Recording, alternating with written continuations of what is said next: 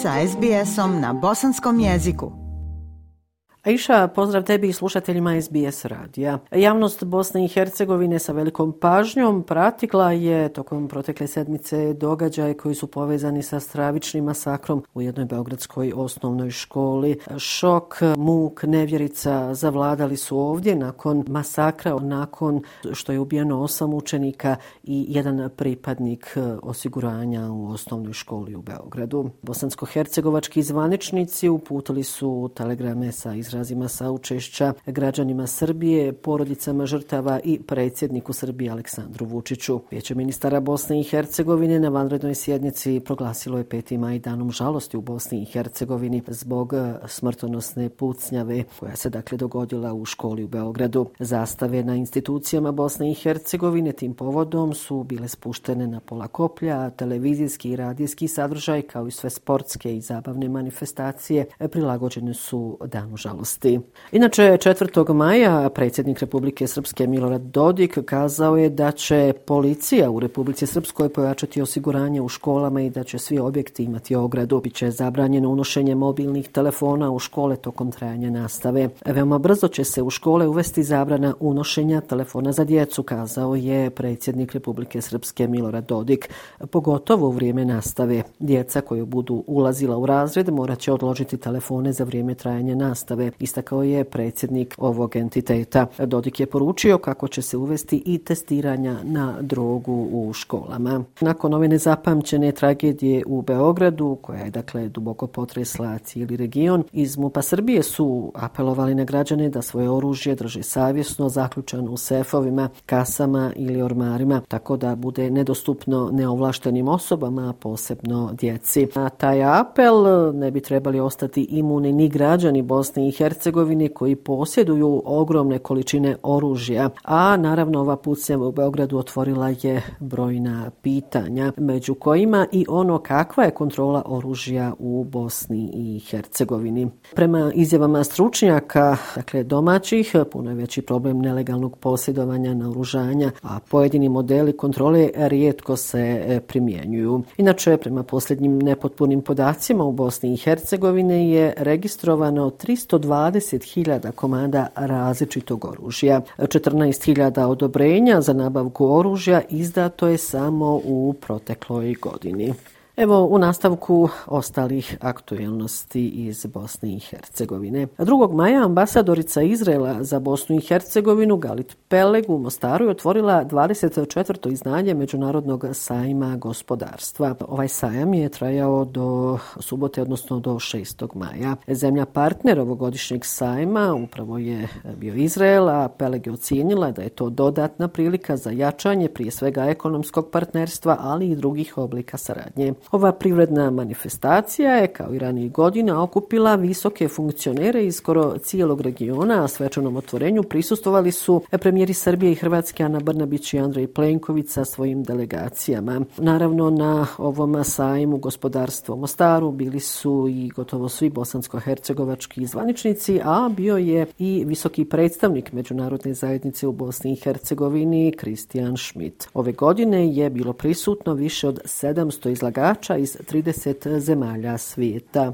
Predsjedavajuća vijeća ministara Bosne i Hercegovine Borjana Krišto na otvaranju sajma rekla je da je Mostarski sajam jedna od najznačajnijih manifestacija u Bosni i Hercegovini te da predstavlja ne samo lokalni već događaj od velikog značaja za cijelu regiju. Poslušajte Borjanu Krišto. Dinamična i plodonosna gospodarska suradnja ključ je ekonomskog rasta i razvoja To je posebno bitno u vremenu u kojem se svijet suočava sa raznim krizama, što za posljedicu ima snažne inflatorne pritiske i rast cijena energenata, hrane, a i sirovina. Na otvorenju je govorio i premijer Federacije Bosne i Hercegovine Nermin Nikšić. Prisustvo međunarodnih predstavnika smatram potvrdnog snažnog povratka i angažmana Evropske unije koja je otvorena i spremna sarađivati sa novim vlastima u Bosni i Hercegovini kako bi i naša zemlja ubrzo krenula ka integraciju u Evropsku uniju gdje smo, to sam uvjeren, više nego dobrodošli. Predsjednica vlade Republike Srbije Ana Brnabić je na otvaranju ovog međunarodnog sajma gospodarstva kazala kako prije svega šalje ekonomske i privredne poruke. Evo i obraćanja premijerke Srbije Ane Brnabić bilateralna razmena između Bosne i Hercegovine i Republike Srbije. Dakle, samo u deset godina smo uspeli da podignemo razmenu za puta dva. Drugi podatak je da je Bosna i Hercegovina naš drugi izvozni partner. Prvi je Nemačka, drugi je Bosna i Hercegovina. Na otvorenju Mostarskog sajma bio i premijer Hrvatske Andrej Plenković koji je kazao kako je pred Bosnom i Hercegovinom period intenzivnog i bržeg razvoja Bosne i Hercegovine. Poslušajte premijera Hrvatske Andreja Plenkovića. Trgovinska razmjena dosegnula je u 2022. 4 milijarde eura. Brojevi već do sada u ovoj godini govore da je već veća 10% u 23. nego što je bila u 2022. 2022. I to može samo značiti da će naša gospodarska upućenost i naslonjenost jedine druge biti sve veća. 3. maja u zgradi vlade Federacije Bosne i Hercegovine u Sarajevu novi ministri sa premijerom Nerminom Nikšićom e, su preuzeli dužnost od svojih prethodnika. Nikšić je u izjavi novinarima među prioritetima naveo rad vlade sa ciljem boljeg stanja u društvu i ispunjavanja obaveza u vezi sa euroatlantskim integracijama Bosne i Hercegovine, te popravljanja privrednog ambijenta, statusa i integriteta radnika u Federaciji Bosne i Hercegovine. Pa osim premijera Nikšića, novinarima su se obratili i neki od novih ministara, pa evo šta je kazao ministar financija Toni Kraljević.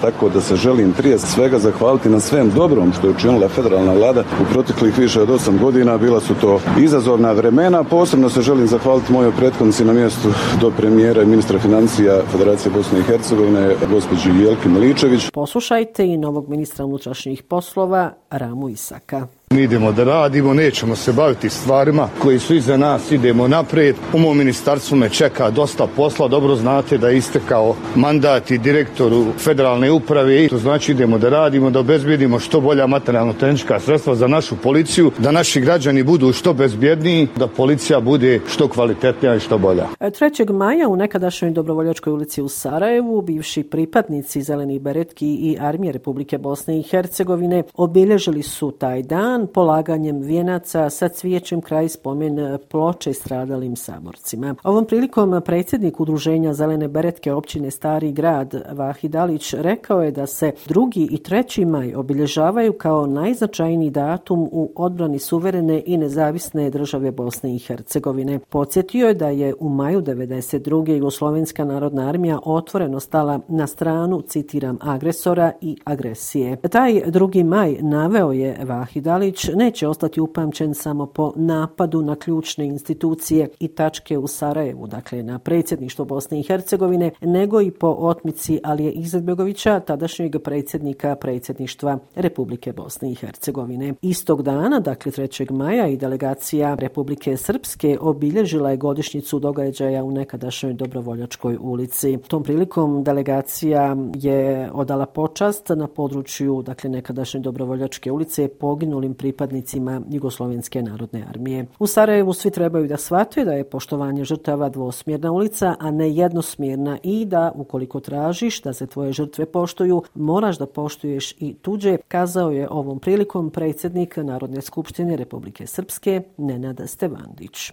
Eto, Aisha, toliko ovoga puta iz glavnog grada Bosne i Hercegovine. Još jednom vam srdačne pozdrave iz Sarajeva šalje Semra Duranović-Koso. SBS na bosanskom. Podijelite naše priče preko Facebooka. Želite poslušati još ovakvih priča? Slušajte preko Apple podcasta, Google podcasta, Spotify ili kako god da primate svoje podcastove.